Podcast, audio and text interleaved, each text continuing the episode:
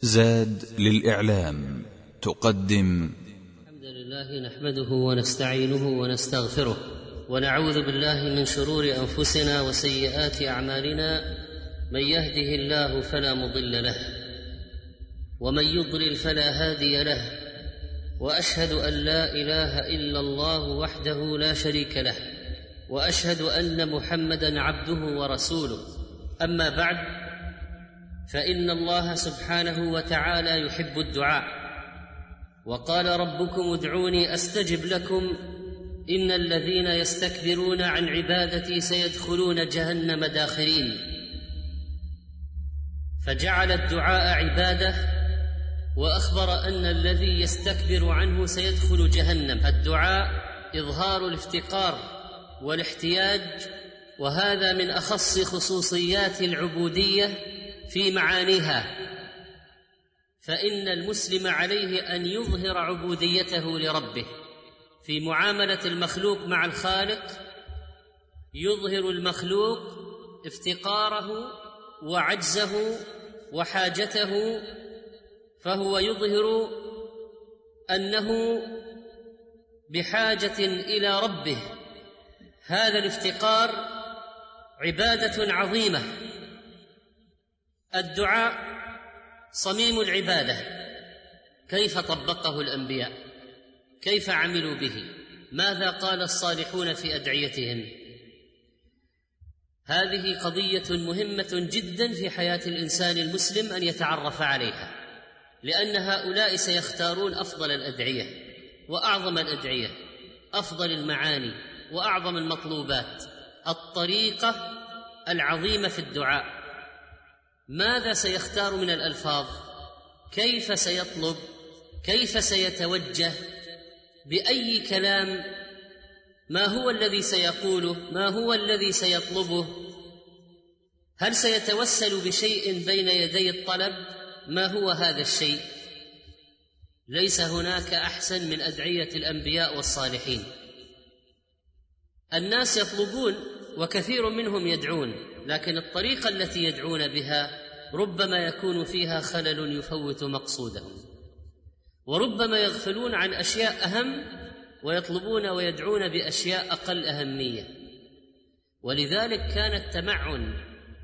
في دعاء الانبياء والصالحين انه موضوع غايه في الاهميه بالنسبه الينا لما اسكن ادم الجنه وقال لا تقرب هذه الشجره فتكون من الظالمين وقام الشيطان بخدعته ليبدي لهما ما وري عنهما من سوآتهما ومن كيد ابليس كشف العورات ويحلف على الكذب وقاسمهما اني لكما لمن الناصحين النتيجه انهما وقعا في حبائله وعصى الابوان بكيد ابليس ناداهما ربهما الم انهكما عن تلكما الشجره واقل لكما ان الشيطان لكما عدو مبين الم يسبق مني التحذير والتنبيه والتبيين ماذا كان دعاء الابوين قالا ربنا ظلمنا انفسنا وان لم تغفر لنا وترحمنا لنكونن من الخاسرين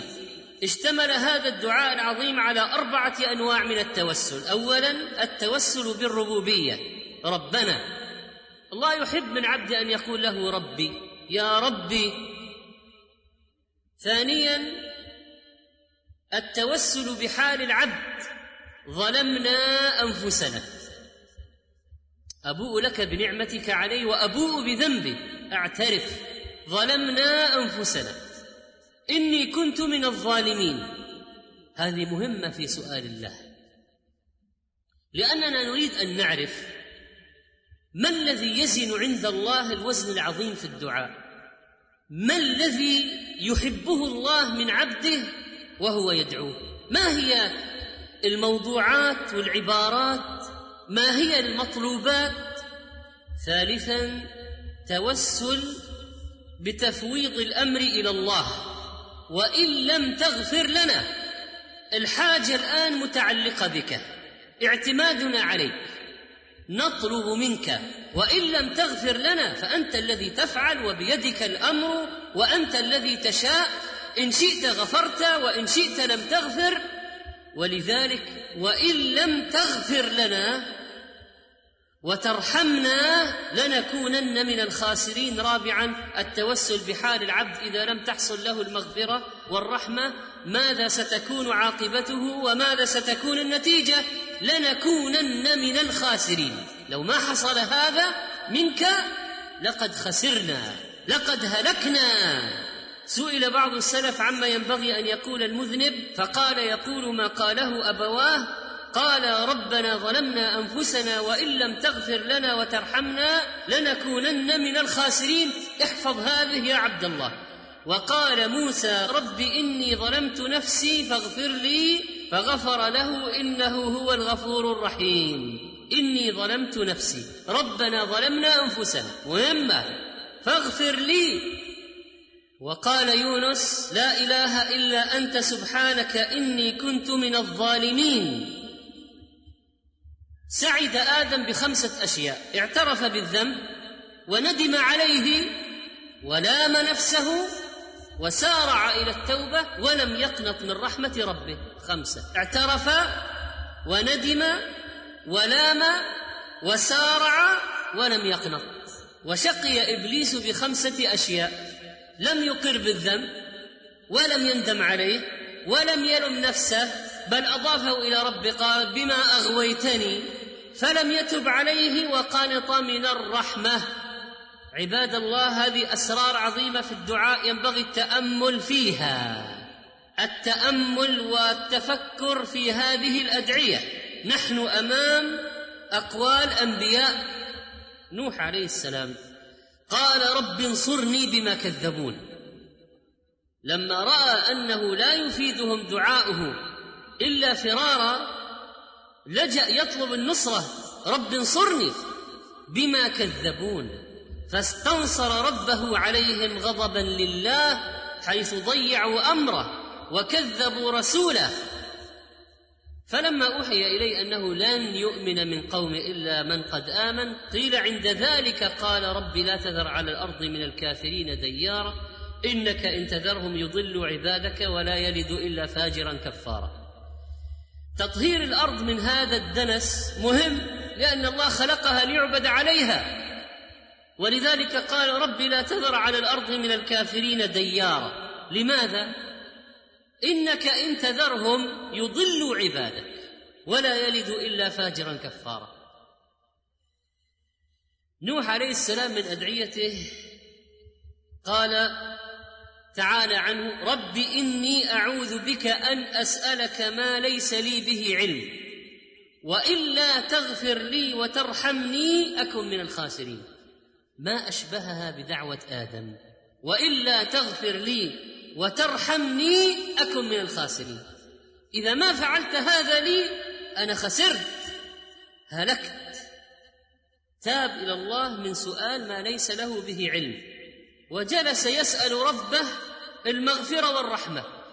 وانه بحاجه ماسه اليها وانه اذا لم ينعم بها عليه خسر هلك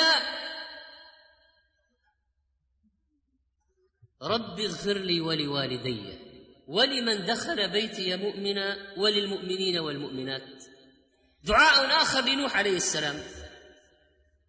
تامل في هذا الدعاء كيف بدا بنفسه رب اغفر لي ثم ثنى باحق الناس واقربهم اليه والديه ولوالدي ثم الاقرب رابطه العقيده بينه وبين اخوانه ذكورا واناثا والذين يدخلون بيته من اخوانه الخاصين واتباعه المؤمنين واصحابه الحواريين قدمهم رب اغفر لي ولوالدي ولمن دخل بيتي مؤمنا فالانسان لا ينسى اخوانه في الله من الدعاء الذين يؤاخيهم على طاعته ويقترب منهم على دعوته ويخالطهم على نصره شريعته ولمن دخل بيتي مؤمنا ولكن لا ينسى العموم من السابقين واللاحقين من الاناث والذكور ولمن دخل بيتي مؤمنا وللمؤمنين والمؤمنات وهو اذا دعا للمؤمنين دعا على الكافرين ولا تزد الظالمين الا تبارا هلاكا وخسارا ودمارا ابراهيم عليه السلام واذ قال ابراهيم رب اجعل هذا البلد امنا الله اكبر شمول الدعوه انه يريدها للبلد كله ليس لشخص او بيت او حي رب اجعل هذا البلد امنا فاستجاب الله دعاءه شرعا وقدرا واجنبني وبني ان نعبد الاصنام اجنبني وبني كثير من الناس يدعون لانفسهم وينسون ذرياتهم ولذلك تصلح الذريه بدعاء وقد تفسد باهمال الدعاء واجنبني وبني الدعاء للنفس اولا وبني ان نعبد الاصنام لماذا لانه راى في الواقع شرها ووبالها وفشو الافتتان بها ولذلك قال رب انهن اضللن كثيرا من الناس فاذا راى الانسان منكرا متفشيا في الواقع وفي المجتمع استعاذ ربه منه واعاذ ذريته منه ايضا وجنبني وبني ان نعبد الاصنام رب انهن اضللن كثيرا من الناس ثم قال فمن تبعني فانه مني ومن عصاني فانك غفور رحيم المغفره والرحمه يطلبها لاهل المعصيه ربنا اني اسكنت من ذريتي بواد غير ذي زرع إذا الآن هو يذكر افتقاره وافتقار أهله أسكنت من ذريتي هاجر وإسماعيل أسكنت من ذريتي بواد غير ذي زرع عند بيتك المحرم الذي سيقام لماذا وضعهم هناك سياحة تسلية شم الهوى ليقيموا الصلاة من اجلك يا رب ليصلوا لك نيتي في عملي هي طاعتك ليقيموا الصلاه فاذا بين افتقارهم وبين لماذا وضعهم هناك لاجله تعالى هذه توسلات مقدمات مهمه جدا في الادعيه الله عز وجل يدخل اليه وعليه في الدعاء بالابواب المناسبه اللائقه به عز وجل والتي تؤدي الى اجابته دعوه عبده مقدمات مهمه المقدمات قبل الطلب مهمه واذا كان الناس يراعونها عند الكبراء وفي الطلبات والمكاتب والرسائل والعرائض فالله تعالى اولى بهذه المراعاه لانه هو الخالق عز وجل الذي بيده الامر والنفع والضر عز وجل فاذا توسل بهذا فماذا طلب فاجعل افئده من الناس تهوي اليهم افئده تهوي الفؤاد اذا مال تبعه كل شيء فاجعل افئده من الناس تهوي اليهم فاجعل افئده من الناس رقه تهوي اليهم وارزقهم من الثمرات آه، لمجرد الاستمتاع آه، لمجرد الاكل والتنعم لا لعلهم يشكرون هذه النعمه فما هو هدف السكنى بجوار البيت الحرام اداره عقارات القيام بالمعاكسات كما يفعل اليوم الفاسقون والفاسقات ما هو هدف السكنى بجوار البيت الحرام لعلهم يشكرون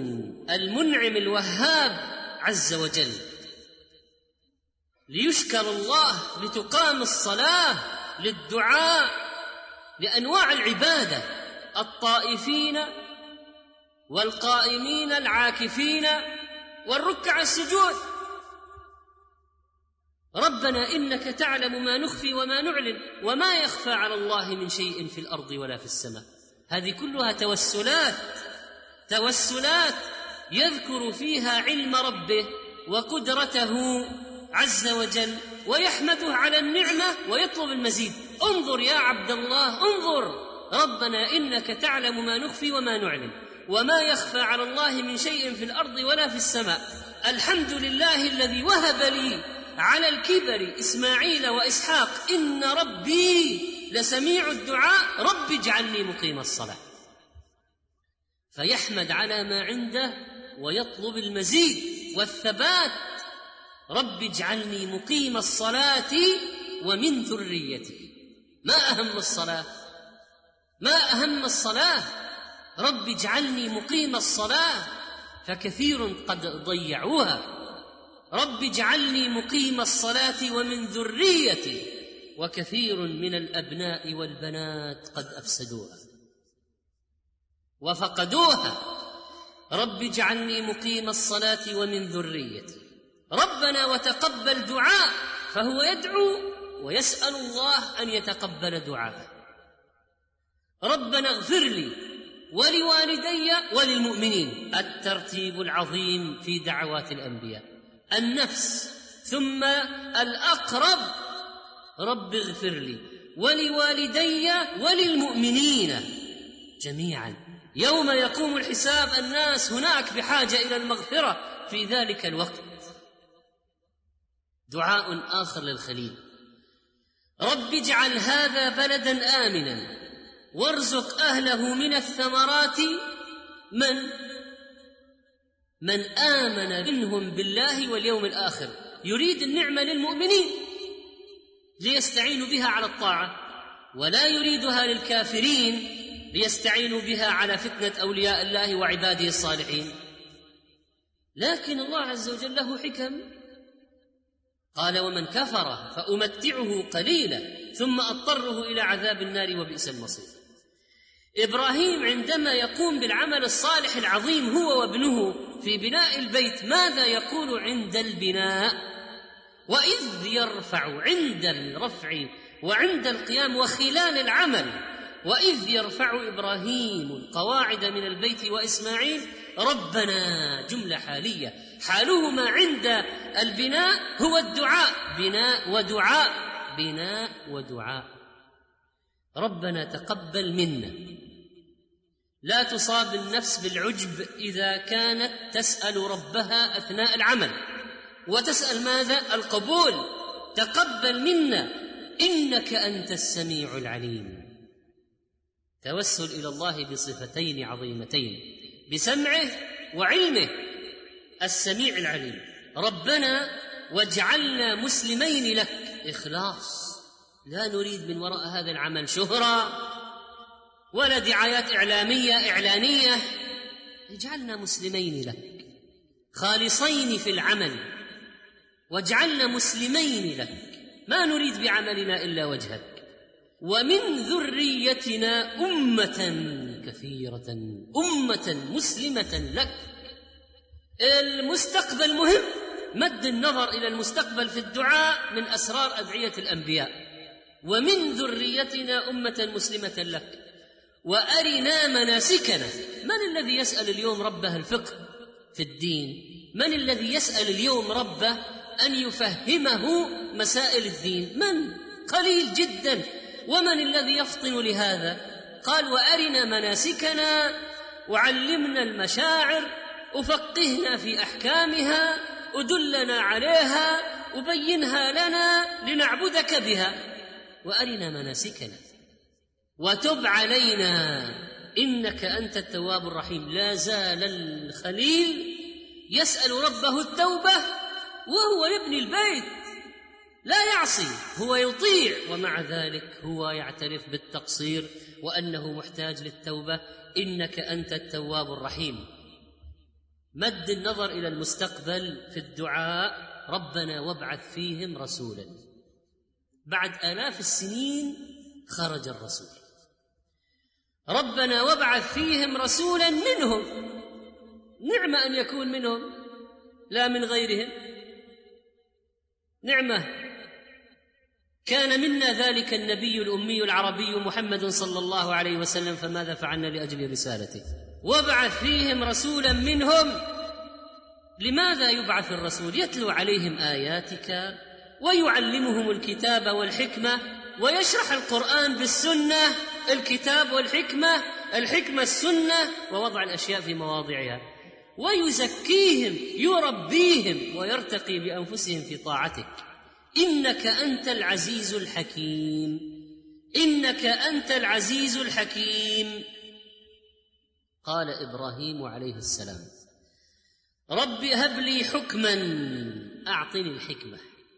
والحقني بالصالحين يا للتواضع الحقني بالصالحين هو الخليل أعظم نبي بعد محمد عليه الصلاة والسلام هو إبراهيم الخليل لكن يقول الحقني بالصالحين الحقني سبحان الله يا للإشفاق يا للخوف من تقلب القلوب يا للتواضع الأواه الحليم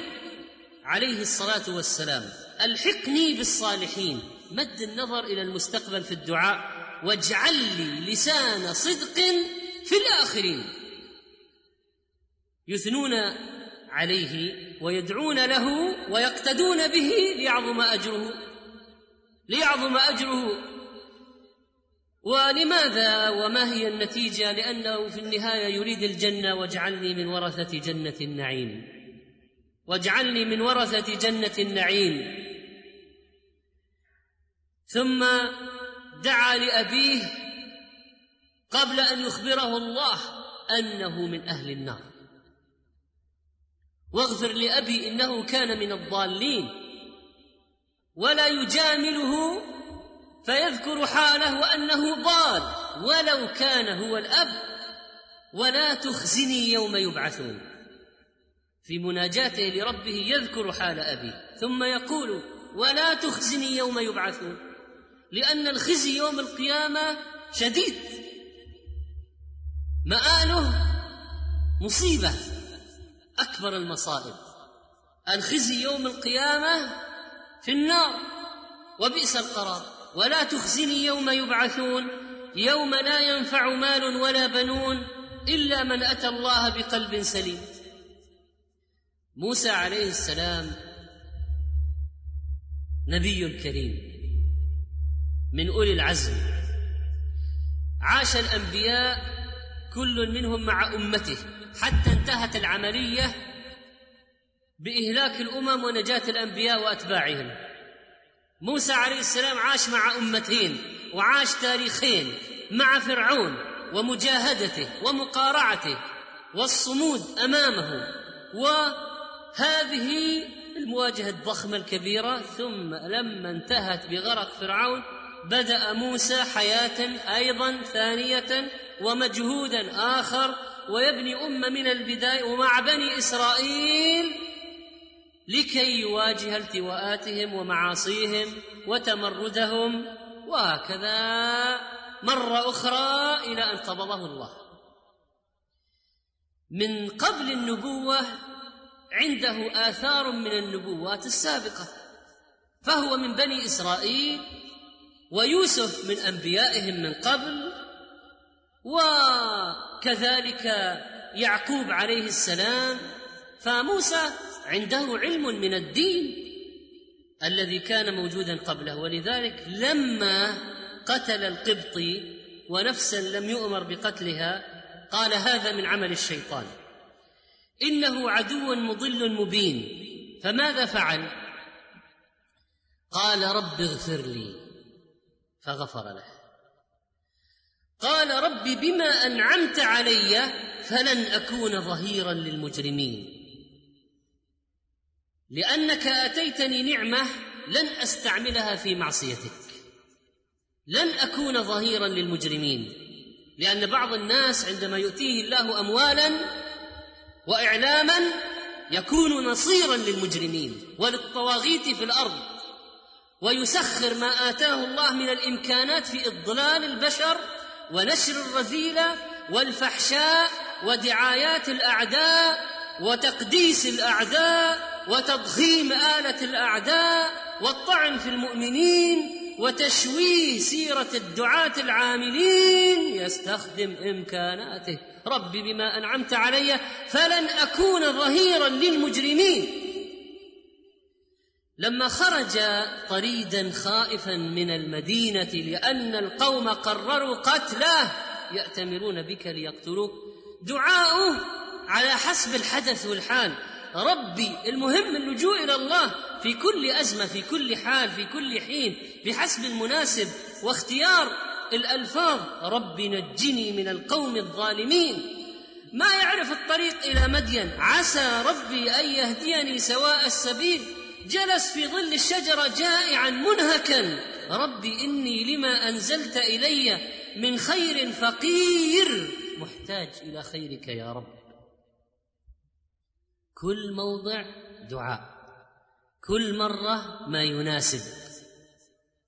رب اغفر لي بما انعمت علي فلن اكون ظهيرا للمجرمين رب نجني من القوم الظالمين عسى ربي ان يهديني سواء السبيل اني لما انزلت الي من خير فقير لما كلف موسى عليه السلام بالرساله وتلك الاعباء العظيمه الضخمه الهائله التي تنوء بها الجبال لكن تتحملها قلوب المؤمنين الجبال لو نزل عليها القران لتصدعت لكن قلب المؤمن يمكن أن يتحمل ويلين ويخبت لكلام ربه لما كلف موسى اذهب إلى فرعون إنه طغى بماذا يستعان على المهمات الصعبة بماذا يستعان على المهمات الصعبة وماذا يقول موسى في هذا الحال وعندما تعسر الامور وتكون القضيه في غايه الصعوبه والى قوم عتاه جبابره متكبرين متغطرسين طغاه موسى وحده الى فرعون بامته وجنوده وهيلمانه ماذا سيقول موسى عليه السلام ذلك ما سنعرفه ان شاء الله اللهم انا نسالك فعل الخيرات وترك المنكرات اللهم انا نسالك ان تجعلنا من اهل فضلك العظيم اللهم علمنا ما ينفعنا وانفعنا بما علمتنا اللهم ات نفوسنا تقواها وزكها انت خير من زكاها انت وليها ومولاها اشرح لنا صدورنا ويسر لنا امورنا اللهم ارحمنا واغفر لنا وتب علينا واجعلنا من ورثه جنه النعيم واغفر لنا ولوالدينا وجميع المسلمين اقول قولي هذا واستغفر الله لي ولكم فاستغفروه انه هو الغفور الرحيم الحمد لله العلي الكبير اشهد ان لا اله الا هو وحده لا شريك له السميع البصير واشهد ان محمدا عبده ورسوله البشير النذير اللهم صل وسلم وبارك على نبينا محمد إمام المتقين وقائد الغر المحجلين والشافع المشفع يوم الدين اللهم صل وسلم عليه وعلى ذريته وأزواجه وخلفائه الطيبين اللهم إنا نسألك أن تجعلنا في زمرتهم يوم الدين وأن تحشرنا معهم يا أرحم الراحمين أما بعد فإن في أدعية الصالحين مما قص الله علينا في القران الكريم لعبره عظيمه للمؤمنين وهذا الفقه العظيم من اولئك النفر الكرام من الانبياء والصالحين فيه قدوه لعباد الله في ادعيتهم وان المؤمن ليرى في ادعيه هؤلاء الانبياء والصالحين المعاني العظيمه والعبوديه الكامله لله عز وجل ان ادعيتهم في السراء والضراء لرب العالمين في الشده والرخاء للحي القيوم ديان السماوات والارضين وهذا موسى عليه السلام لما ابتلي بفرعون واشتد اذى فرعون على قوم موسى عليه السلام وطالت تلك المناظرات والمواجهات بين هذا النبي الكريم وعدو الله فرعون رفع موسى يديه يدعو ربه انك اتيت فرعون وملاه زينه واموالا في الحياه الدنيا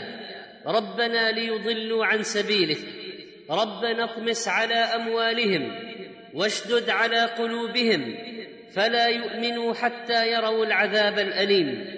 قال قد اجيبت دعوتكما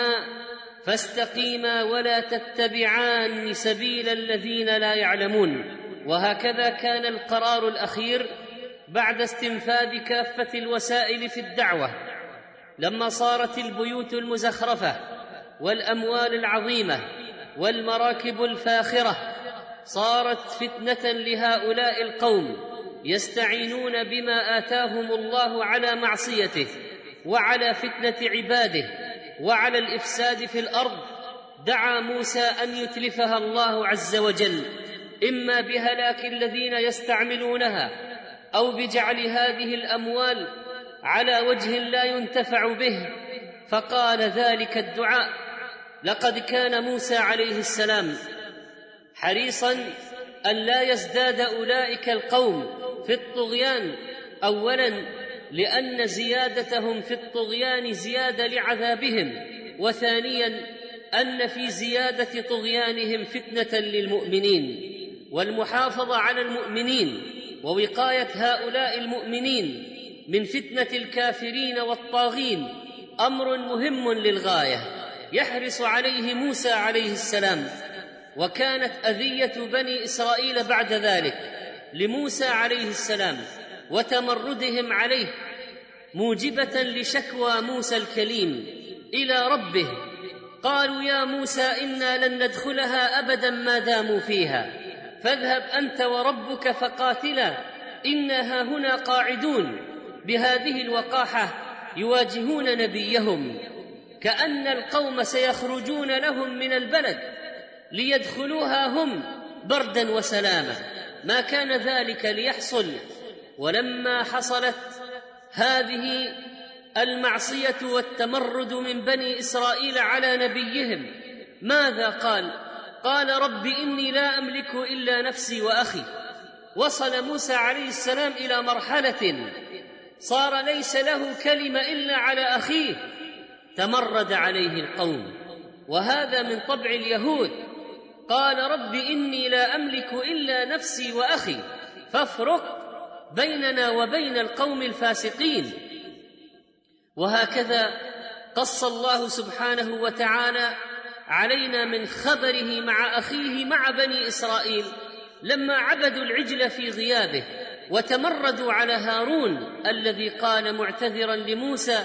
ان القوم استضعفوني وكادوا يقتلونني فلا تشمت بي الاعداء ولا تجعلني مع القوم الظالمين قال رب اغفر لي ولاخي وادخلنا في رحمتك وانت ارحم الراحمين ينظر نبي الله حوله يتلفت فلا يجد الا الواحد والعدد القليل من الناس الذين ثبتوا والبقيه زلوا سقطوا في الفتنه الا في الفتنه سقطوا فماذا يقول وبماذا يدعو لمن ثبت معه قال رب اغفر لي ولاخي وادخلنا في رحمتك ادخلنا فيها فتكون الرحمه محيطه بهما من كل جانب فهي حصن حصين وخير وسرور وحمايه من الشرور الهي اشكو البث والحزن كله اليك فكن لي راحما لشكيتي يشتكي موسى الى ربه ويدعو ربه ان يفرق بينه وبين القوم الفاسقين يجعل هناك فرقانا ويجعل له العلو والظفر والظهور عليهم وهو محتاج الى رحمه ربه ومغفرته يدعو بها ولاخيه فلا ينسى اخاه وهكذا حصل لموسى ايضا مع بني اسرائيل لما اخذتهم الرجفه لقد تواقح القوم وتمردوا لدرجة أنهم قالوا لن نؤمن لك حتى نرى الله جهرا أخذتهم الصاعقة ماتوا أخذ الله أرواحهم وكان من قبل قد حصل لهم أمور وأخذتهم رجفة ومن بعد نتق الجبل فوقهم فلما اخذتهم الرجفه قال رب لو شئت اهلكتهم من قبل واياي يتوسل الى ربه بقدره ربه على الاهلاك وعلى الاماته ثم قال اتهلكنا بما فعل السفهاء منا ان هي الا فتنتك تضل بها من تشاء وتهدي من تشاء انت ولينا فاغفر لنا وارحمنا وانت خير الغافرين واكتب لنا في هذه الدنيا حسنه وفي الاخره انا هدنا اليك فتامل في عظمه هذا الدعاء في توجه موسى الى ربه يتوسل اليه يعلن الخضوع والاعتراف بقدرته وهذا مهم في الدعاء ويعتذر وكانه هو المذنب مع ان اولئك القوم الذين تمردوا عليه هم الذين اجرموا وفعلوا فعلتهم الشنعاء بعباده العجل وموسى يطلب المغفره لنفسه اولئك يذنبون وهو يطلب المغفره سبحان الله تسليم مطلق لقدره الله يقدمه موسى بين دعائه لربه رب لو شئت اهلكتهم من قبل واياي معهم واياي اتهلكنا بما فعل السفهاء منا ثم يدعو ربه ان يكتب له في هذه الدنيا حسنه حسنه الدنيا عظيمه ربنا اتنا في الدنيا حسنه تشمل العلم النافع والعمل الصالح والذكر الجميل والرزق الواسع والصحه والذريه الطيبه هكذا حسنه الدنيا شامله وفي الاخره حسنه ظل في العرش ووقايه من النار وسلامه في العبور عليها ودخول الجنه حسنات انها حسنه عظيمه حسنه الاخره المتضمنه لكل هذه المزايا واكتب لنا في هذه الدنيا حسنه وفي الاخره ونحن عندنا هذا الدعاء علمنا الله اياه ربنا اتنا في الدنيا حسنه وفي الاخره حسنه ان تقديم الاعتذار والاعتراف وبيان ضعف المخلوق امام خالقه وقدره الخالق على المخلوقين تقديم ذلك بين الدعاء سر عظيم من اسباب الاجابه رب اني ظلمت نفسي فاغفر لي رب نجني من القوم الظالمين رب اني لما انزلت الي من خير فقير اظهار الحاجه تأمل في حال داود عليه السلام ومن معه من المؤمنين لما برزوا لجالوت وجنوده أمام ذلك الحشد من الأعداء العدد والعدد الجبابرة قالوا أي عباد الله المؤمنين ربنا أفرغ علينا صبرا وثبت أقدامنا وانصرنا على القوم الكافرين أمام هذا الجحفل من الاعداء امام هذا الجحفل من الطغاه يدعو المؤمنون ربهم ويلجؤون اليه في الشدائد والله اذا دعاه المضطر لا يخيبه افرغ علينا صبرا افراغ الشيء على الشيء يدل على تعميمه به ولذلك فإنهم لم يقولوا ارزقنا صبرا ونحو ذلك وإنما قالوا أفرغ علينا لأنهم يحتاجون الصبر الآن يحتاجون صبرا عظيما أفرغ علينا صبرا الإفراغ صب الشيء الكثير الإفراغ أفرغ علينا من أعلى إلى أسفل إنزال تعميم شمول كثرة أفرغ علينا فقه في الدعاء افرغ علينا صبرا وثبت اقدامنا وانصرنا على القوم الكافرين حسن الدعاء والترتيب الجيد فيه سالوا اولا الصبر الذي يعم القلب والبدن افرغ علينا ثم ثبات القدم المترتب على الصبر وثبت اقدامنا فسالوا التثبيت الظاهر والباطن ثم النصر المترتب عليهما والنصر لا ينال الا مع الصبر والصبر مجلبه للمعونه فتامل الترتيب في هذا الدعاء ربنا افرغ علينا صبرا ينزل في القلب وثبت اقدامنا نتيجه الصبر في القلب وانصرنا على القوم الكافرين ثبات القلب وثبات البدن هو المهيئ للنصر ولذلك سالوا ربهم هذا السؤال وجعلوا فيه هذا الترتيب لم يغر ملك سليمان سليمان عليه السلام وانما قال رب اغفر لي وهب لي ملكا رب اغفر لي تامل كيف حاجتهم الى المغفره وهم الانبياء يسالون ربهم المغفره وكانهم اجرموا واذنبوا الذنوب العظيمه يسالون مغفره ورحمه انها حاجه المؤمن الى مغفره ربه عز وجل انه اظهار الافتقار للواحد القهار وذنون اذ ذهب مغاضبا فظن ان لن نقدر عليه فنادى في الظلمات ان لا اله الا انت سبحانك اني كنت من الظالمين فاستجبنا له ونجيناه من الغم وكذلك ننجي المؤمنين قال الحسن والشعبي وسعيد بن جبير ذهب مغاضبا يعني من اجل ربه عز وجل غضبت لك يعني من اجلك والمؤمن يغضب لله اذا عصي وكان الاولى ان يصبر فذهب مغاضبا من اجل ربه وقد اعلن سخطه على قومه مما فعلوا واصروا وتمردوا وعصوا فقدر الله ان يلتقمه الحوت فنادى في الظلمات انها لحظات الاضطرار انها اوقات الشده نادى في الظلمات ظلمه بطن الحوت وظلمه قاع البحر واليم ظلمه الماء ظلمات امواج يغشى بعضها بعضا وكذلك ظلمه الشده وظلمه الوحده اجتمعت الظلمات الحسيه والظلمات المعنويه ظلمه الليل وظلمه البحر وظلمه الحوت وظلمه الشده وظلمه الوحده ولكن لم يياس يونس ابدا من ربه عز وجل فنادى في الظلمات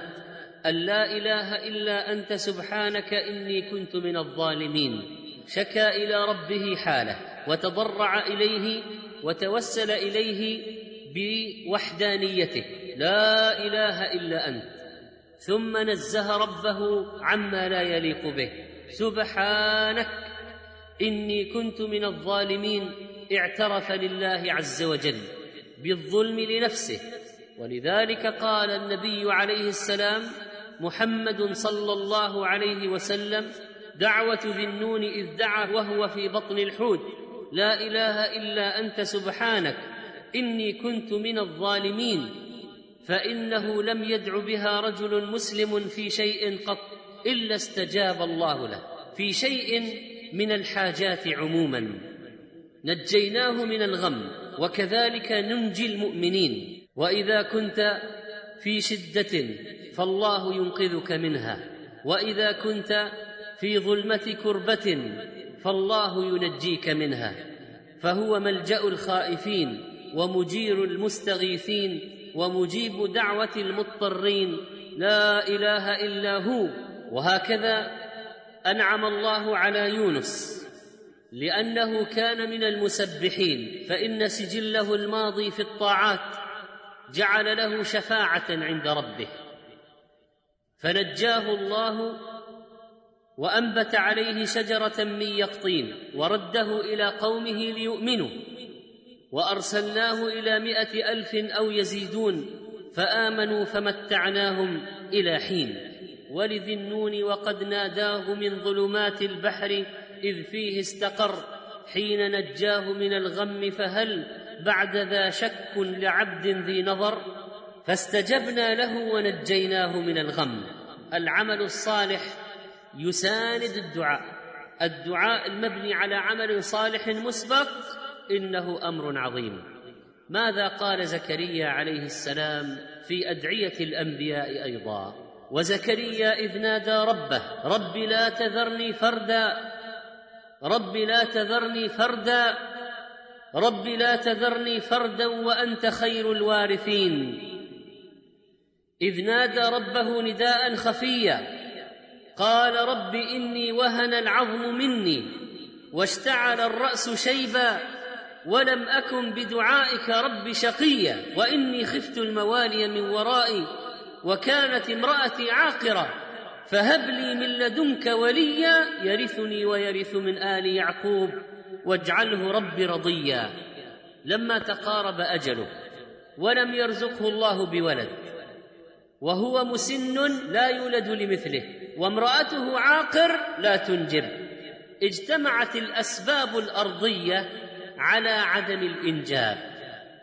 ولكن نبي الله لا ييأس من رحمه الله وهذا ذكر رحمه ربه له اذ وفقه للدعاء إذ نادى ربه نداء خفيا أمر يدل على الإخلاص والإقبال على الله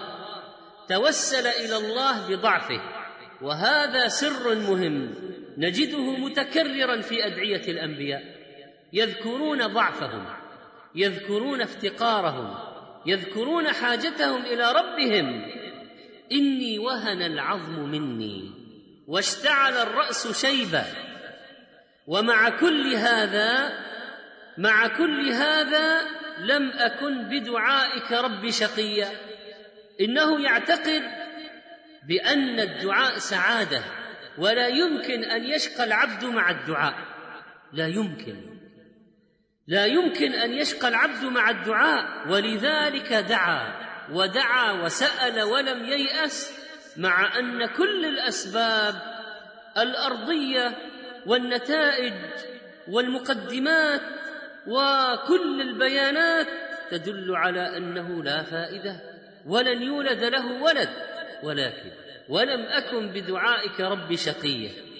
لا يشقى الانسان من دعاء ربه لا يعدم خيرا لان المسؤول كريم واني خفت الموالي من ورائي وكانت امراتي عاقرا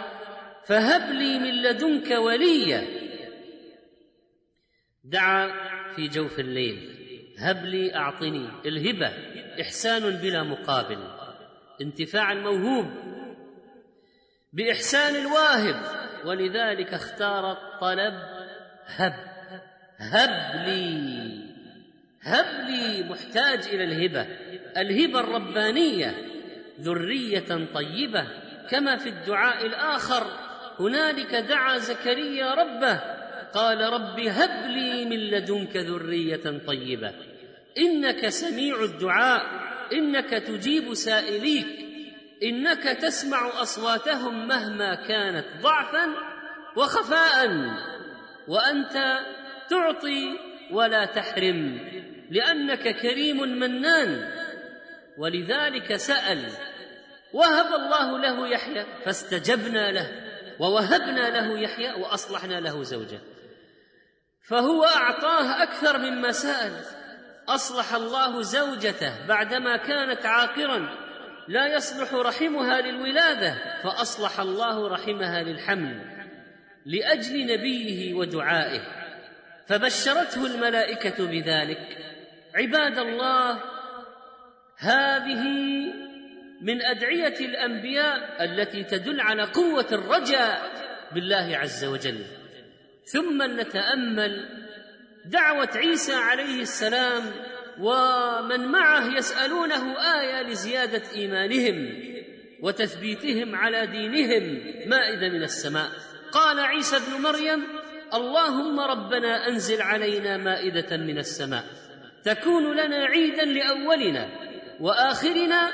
وايه منك وارزقنا وانت خير الرازقين تطمئن قلوبهم كما طلب ابراهيم عليه السلام من قبل ذلك ليكون زياده في ايمانه ولما كانت القضيه ابتلاء تادب عيسى عليه السلام غايه الادب ينادي ربه يا الله يا ربنا قال عيسى ابن مريم اللهم ربنا فجمع في الدعاء بين الوهيته تعالى وربوبيته اللهم الميم في قول اللهم بدلا من ياء النداء المحذوفة قبل لفظ الجلالة يا الله اللهم ربنا يعني يا ربنا وهكذا دعا بالاثنين جميعا دعا بألوهية ربه وبربوبيته يا الله يا ربنا أنزل علينا مائدة من السماء فهو يريد التثبيت للحواريين لاصحابه ويريد نعمه لهم وفرحا وعيدا وارزقنا وانت خير الرازقين انه رزق من الله وهو خير الرازقين عز وجل فلا يرزق احد مثل رزق الله تعالى ولا يملك احد مثل رزق الله تعالى ونجد التبرؤ من الحول والقوه والاعتراف بان الله يملك الامر كله في دعاء عيسى عليه السلام ان تعذبهم فانهم عبادك لست بظالم لهم لو عذبتهم لانك تملكهم ومن ملك الشيء يفعل فيه ما يشاء ان عذبهم فهذا عدل وان رحمهم فهو فضل إن تعذبهم فإنهم عبادك تفعل فيهم ما تشاء وإن تغفر لهم فإنك أنت العزيز الحكيم أنت أرحم بهم من أنفسهم وأعلم بأحوالهم منهم ومغفرتك صادرة عن تمام عزتك وقدرتك ليست كمغفرة وعفو العاجز الذي لا يقدر لا إنها مغفرة صادرة عن تمام العزة والقوه والقدره فمع قدرته على الانتقام ومع قدرته على التعذيب ومع قدرته على الاهلاك فهو يعفو وهذا السر وراء ختم هذا الدعاء باسمين العزيز الحكيم وان تغفر لهم فانك انت العزيز الحكيم لأن المعتاد أن ينتهي مثل هذا الدعاء فإنك أنت الغفور الرحيم ولكنه انتهى باسمين عظيمين لله عجيبين في هذا المقام وإن تغفر لهم فإنك أنت العزيز الحكيم ليست مغفرتك وعفوك صادرة عن ضعف لكن عن قدرة وقوة أنت عزيز منيع الجناب لا يستطيع احد ان يغلبك تغلب كل احد وايوب الذي دعا ربه بانه ارحم الراحمين وانه مسه الضر هكذا نجد الادعيه تتوالى من الانبياء ويعلم الله محمدا صلى الله عليه وسلم ادعيه اخرى كما ورد في كتاب الله العزيز رب اعوذ بك من همزات الشياطين واعوذ بك رب ان يحضرون وقل رب اعوذ بك من همزات الشياطين واعوذ بك رب ان يحضرون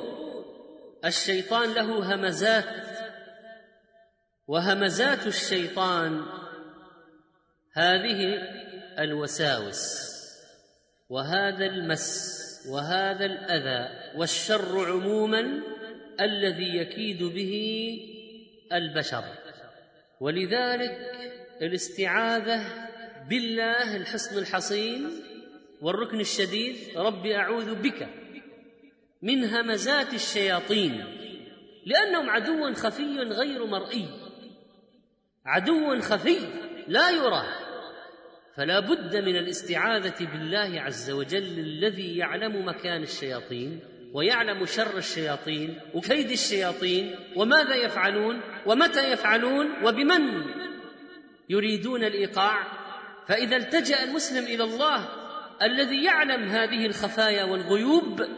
وقل رب اعوذ بك من همزات الشياطين واعوذ بك رب ان يحضرون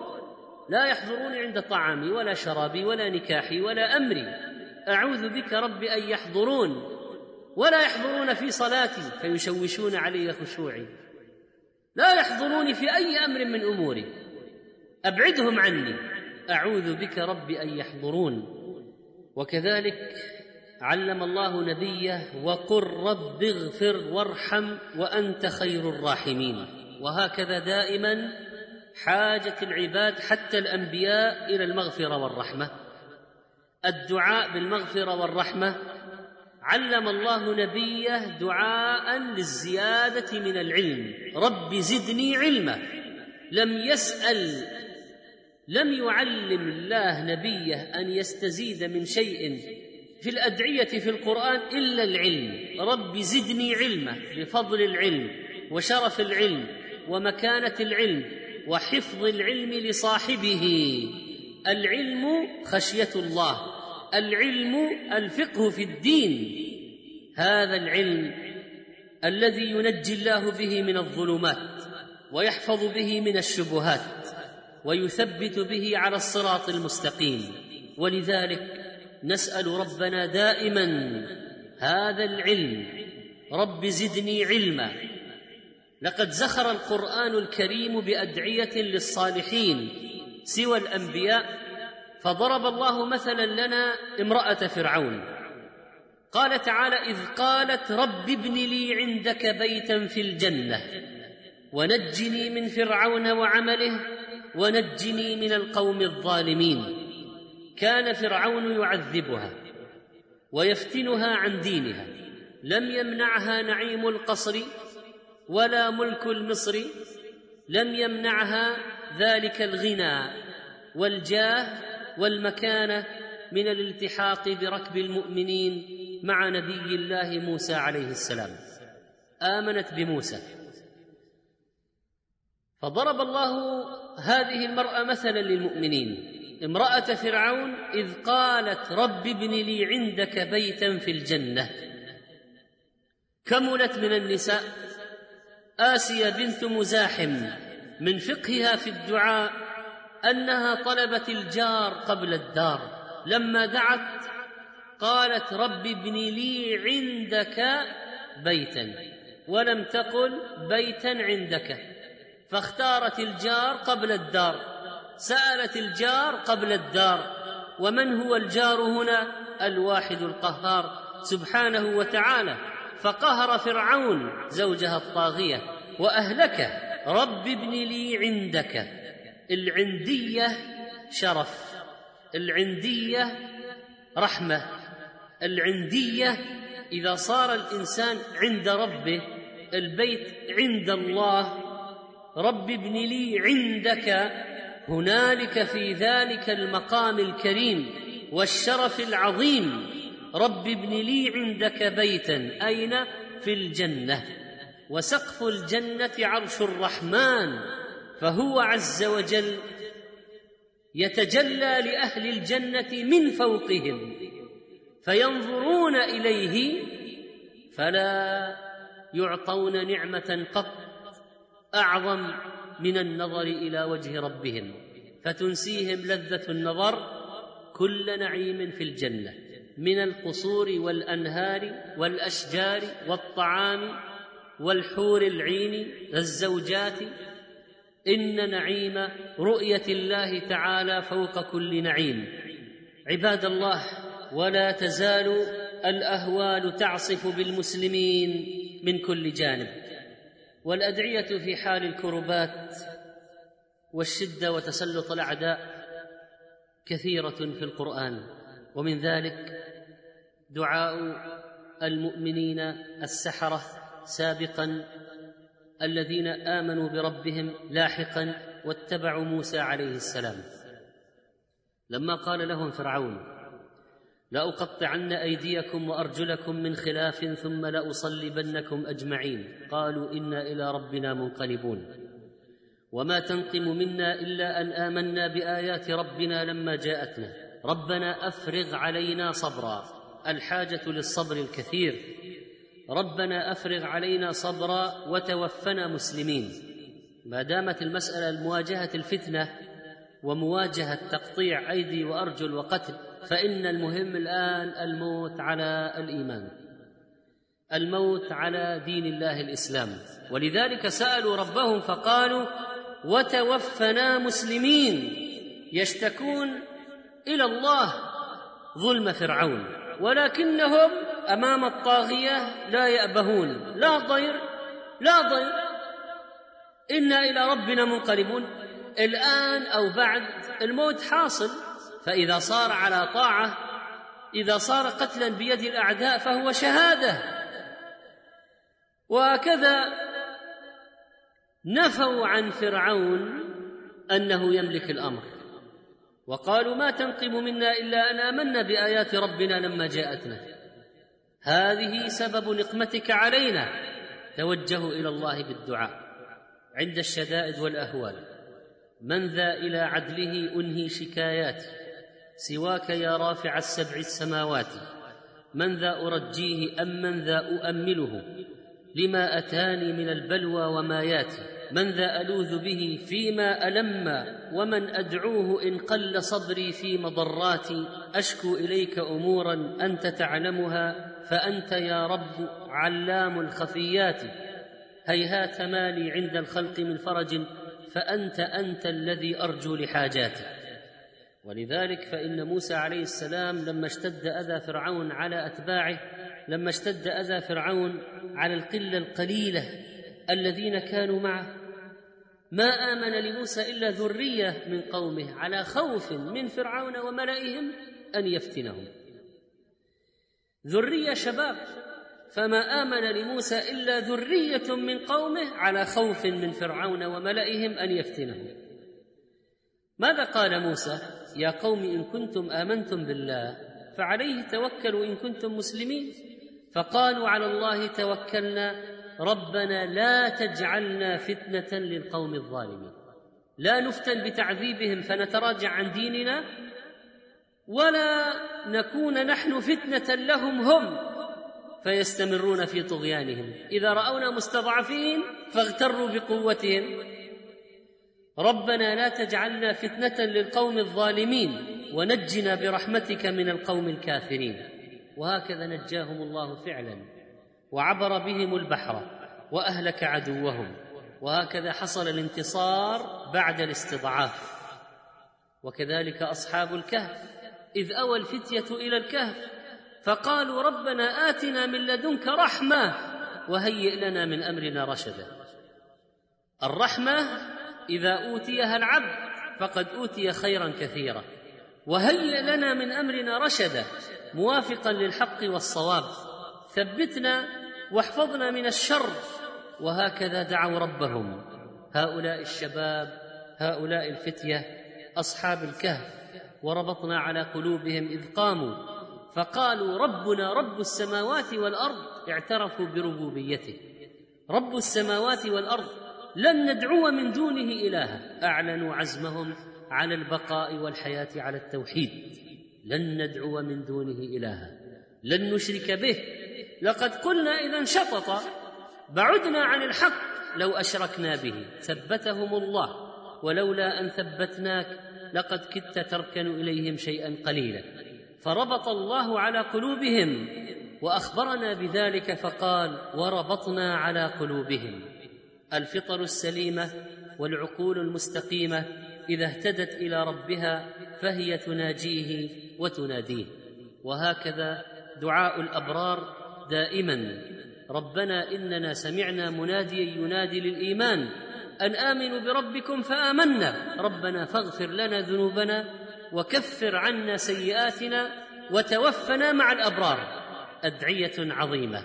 بعدما قالوا سابقا فقنا عذاب النار ربنا انك من تدخل النار فقد اخزيته الوقايه من النار وطلب مغفره الذنوب وتكفير السيئات وان تكون الوفاه مع الابرار الالتحاق بركب الصالحين أدخلنا الجنة مع الأبرار أدخلنا برحمتك في عبادك الصالحين هكذا الدعاء من المؤمنين لله عز وجل اللهم اغفر لنا ولوالدينا وللمؤمنين يوم يقوم الحساب اللهم اجعلنا مقيم الصلاة ومن ذرياتنا ربنا وتقبل دعاء ربنا هب لنا حكما وألحقنا بالصالحين واجعل لنا لسان صدق في الآخرين واجعلنا من ورثة جنة النعيم ولا تخزنا يوم يبعثون ربنا هب لنا من الصالحين ولا تجعلنا فتنه للذين كفروا واوزعنا ان نشكر نعمتك التي انعمت علينا وان نعمل صالحا ترضاه وادخلنا برحمتك في عبادك الصالحين اللهم انت الاول فليس قبلك شيء وانت الاخر فليس بعدك شيء وانت الظاهر فليس فوقك شيء وانت الباطن فليس دونك شيء اللهم انت القدير وانت العلي الكبير انصر اخواننا المستضعفين اللهم انصرهم على القوم الظالمين اللهم نصرك الذي وعدت به عبادك اللهم اتهم نصرك الذي وعدت به عبادك على لسان رسلك اللهم انا نسالك وانت الواحد القهار العزيز الجبار ان تنتقم من اعدائنا يا رب العالمين اللهم ارسل عليهم عذابك واشدد وطأتك عليهم اللهم احصدهم اللهم اقتلهم اللهم انزل بهم بأسك الذي لا يرد عن القوم المجرمين اللهم دمرهم اللهم عاجلهم بانتقامك وارنا فيهم ايه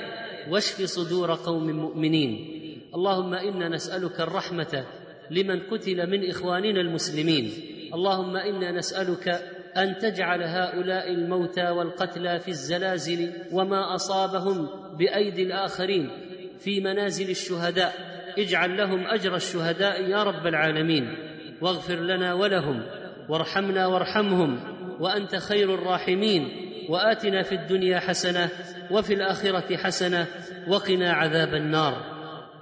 ان الله يامر بالعدل والاحسان وايتاء ذي القربى وينهى عن الفحشاء والمنكر والبغي يعظكم لعلكم تذكرون فاذكروا الله العظيم الجليل يذكركم واشكروه على نعمه يزدكم ولذكر الله اكبر والله يعلم ما تصنعون وختاما